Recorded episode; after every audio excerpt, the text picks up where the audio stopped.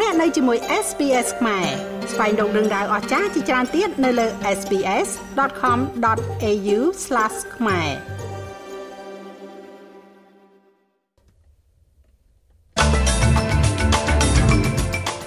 អត្រាអតិផរណាធ្លាក់ចុះបន្តិចមកនៅត្រឹម7%កិច្ចប្រជុំមេដឹកនាំខ្ពស់លើក្រោយនឹងធ្វើឡើងនៅឯ Opera House ក្នុងទីក្រុង Sydney ការប្រកាសពីការផ្លាស់ប្តូរចំពោះគម្រោងអត្ថប្រយោជន៍ឱសថ PBS របស់រដ្ឋាភិបាលសហព័ន្ធ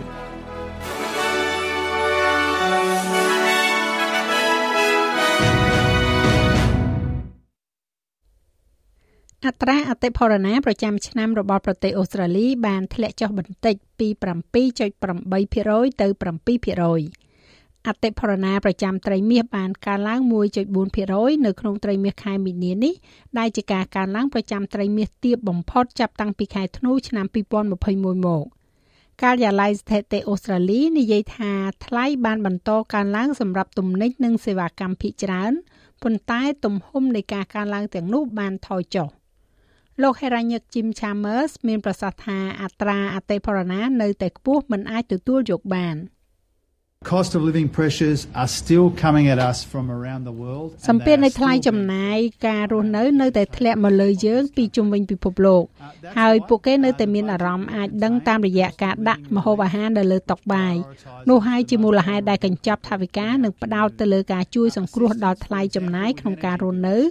ដែលផ្ដល់អតិភិបដល់ជនងាយរងគ្រោះបំផុតក្នុងសហគមន៍យើង។ ជំនួយជាឧទាហរណ៍ជាមួយនឹងវិក័យប័ត្រធម្មពលនឹងទៅដល់ដៃមនុស្សដែលរស់ពឹងផ្អែកទៅលើប្រាក់សោធននិវត្តន៍និងប្រាក់ជំនួយសង្គមគិច្ចនានា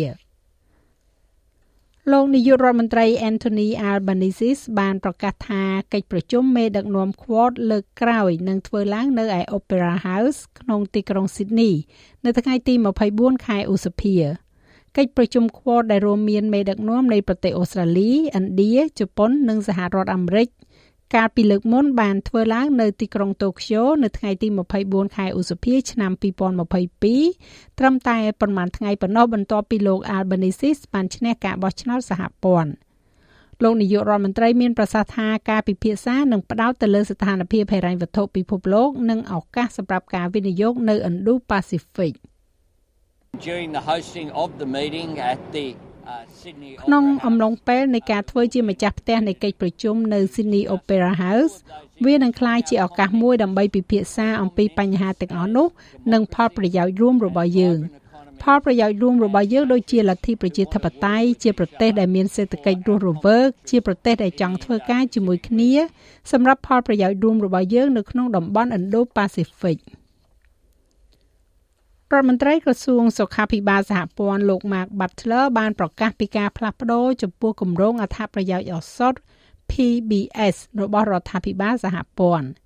ដោយផ្អែកទៅលើការផ្លាស់ប្តូរនេះអ្នកដែលមានជំងឺរ៉ាំរ៉ៃនឹងអាចទិញថ្នាំទុកសម្រាប់រយៈពេល2ខែបានជាមួយនឹងការទៅជួបឱសថស្ថានរបស់ពួកគេតែម្ដងប៉ុណ្ណោះ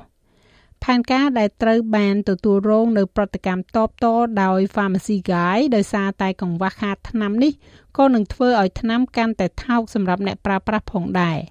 លោក Butler និយាយថាការផ្លាស់ប្ដូរដែលត្រូវបានគេរំពឹងថានឹងត្រូវបានអនុវត្តមួយផ្នែកនៅខែកញ្ញាខាងមុខនេះនឹងនាំមកនូវការធូរស្បើយក្នុងចិត្តយ៉ាងខ្លាំងសម្រាប់ប្រជាជនជាច្រើនដែលមានជំងឺរ៉ាំរ៉ៃ។ This will obviously uh, involve much less inconvenience វាច្បាស់ណាស់ថានឹងមានការរអាក់រអួលតិចតួជាងមុនឆ្ងាយណាស់សម្រាប់អ្នកជំងឺនិងកាត់បន្ថយសម្ពាធដែលយើងដឹងថាមានសារៈសំខាន់ទៅលើវិជ្ជបណ្ឌិតពិនិត្យជំងឺទូទៅហើយដែលសំខាន់វានឹងកាត់បន្ថយការចំណាយពាក់កណ្ដាលនៃឱសថទាំងនោះសម្រាប់អ្នកជំងឺ6លាននាក់ លោកនាយករដ្ឋមន្ត្រី Anthony Albanese មានប្រសាសន៍ថាលោកមិនភ្ញាក់ផ្អើលទេដែលសមាជិកសភាជួរក្រោយរបស់លោក4នាក់បានបន្ថែមឈ្មោះរបស់ពួកគេចូលទៅក្នុងលិខិតចំហដែលអំពាវនាវឲ្យមានការបង្កើនប្រាក់ជំនួយ Job Seeker នៅក្នុងកញ្ចប់ថវិកាសហព័ន្ធនៅខែក្រោយនេះសមាជិកសភាជួរក្រោយរបស់បក Liberal សំទោសបក Labor លោកស្រី Alicia Penn Kate Wattis Louis Miller Frost និង Dr. Michelle Ananda Rajak ស្ថិតនៅក្នុងចំណោមមនុស្សជាង300នាក់ដែលជាហត្ថលេខីនៃលិខិតនេះសមាជិកសភាបក Liberal លោកស្រី Bridget Archer សមាជិកសភាឯករាជ្យនិងសមាជិកសភាបក Green មួយចំនួនក៏បានចុះហត្ថលេខាផងដែរ លោក Albanese និយាយថាលោកមិនបានត្រៀមខ្លួនដើម្បីចូលរួមនៅក្នុងការរំពឹងទុកនៃកញ្ចប់ថវិកានេះទេប៉ុន្តែយល់ពីមូលហេតុដែលសមាជិកសភាបក Labor ស្ថិតនៅក្នុងចំណោមអ្នកដែលអំពាវនាវឲ្យមានការដំឡើងប្រាក់ជំនួយទាំងនេះ It's unsurprising that people in the Labor Party វាមិនគួរឲ្យភ្ញាក់ផ្អើលទេដែលមនុស្សនៅក្នុងគណៈបក Labor ចង់ធ្វើច្រើនជាងនេះដោយដែលយើងទាំងអស់គ្នាធ្វើ ប៉ុន្តែអ្វីដែលយើងនឹងធ្វើនៅក្នុងកញ្ចប់ថវិកានេះពិតណាស់គឺការធ្វើឲ្យមានតុល្យភាពទៅលើតម្រូវការក្នុងការផ្តល់ជំនួយសង្គ្រោះជីវិតសម្រាប់ប្រជាជន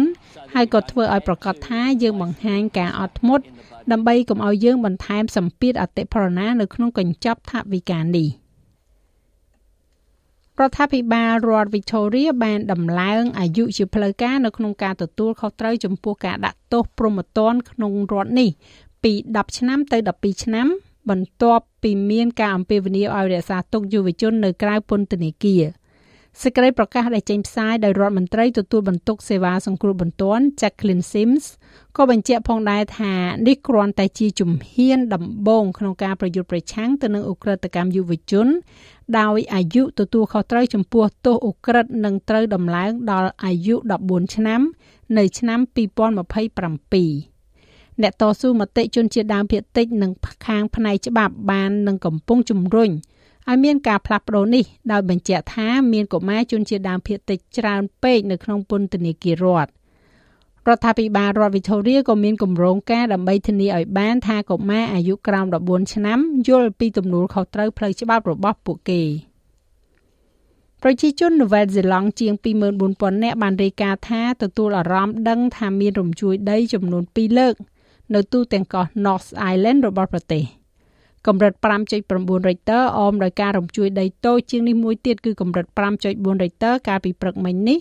ហើយរំជួយដីទាំងពីរនេះមានលក្ខណៈទូលំទូលាយរួមទាំងនៅទីក្រុង Auckland និង Wellington ផងដែរនៅមានរំជួយដីតូចៗជាច្រើនទៀតបន្ទាប់ពីការរំជួយដីភ្លោះពីរនេះมันមានការចេញនៅសេចក្តីប្រកាសអាសន្នអំពីរលកយក្សស៊ូណាមីឡើយ។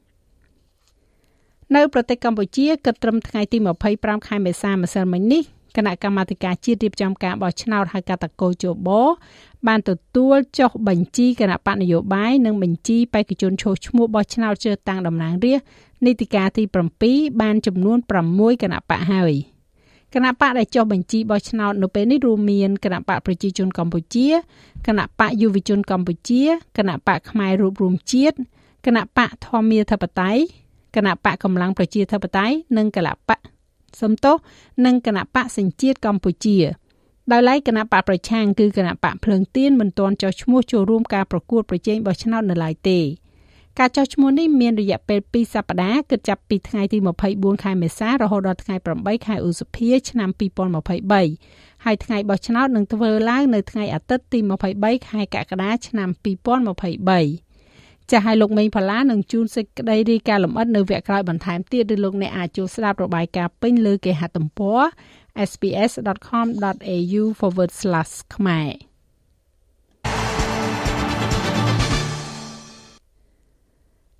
នៅក្នុងការប្រកួតកីឡាបាល់ទាត់អូស្ត្រាលី AFL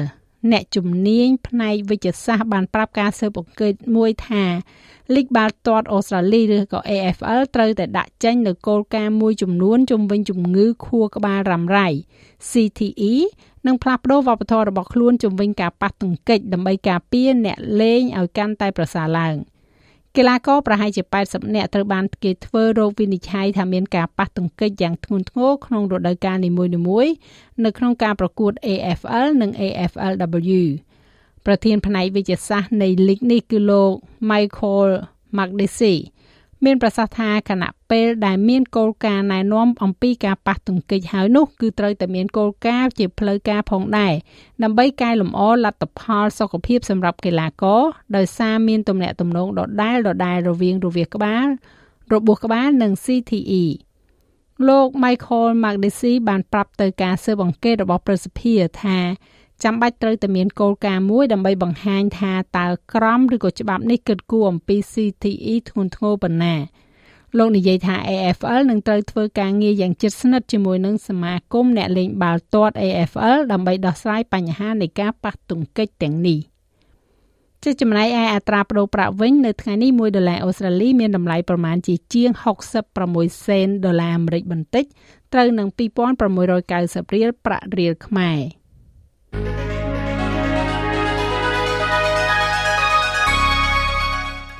ឥឡូវយើងក៏លេខមកមើលការព្យាករណ៍អាកាសធាតុសម្រាប់ថ្ងៃប្រហ័សស្អែកនេះវិញ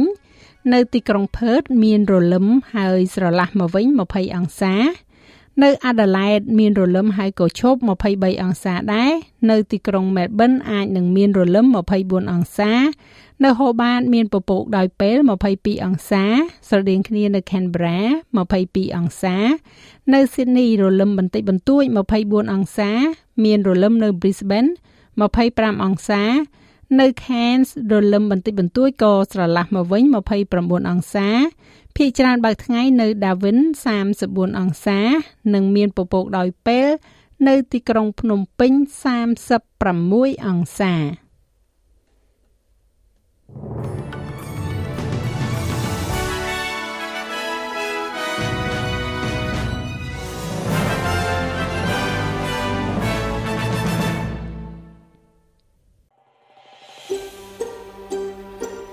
ចង់ស្ដាប់រឿងក្រៅបែបនេះបន្ថែមទៀតទេ ស្ដាប់នៅលើ Apple Podcast Google Podcast Spotify ឬកម្មវិធីដទៃទៀតដែលលោកអ្នកមាន។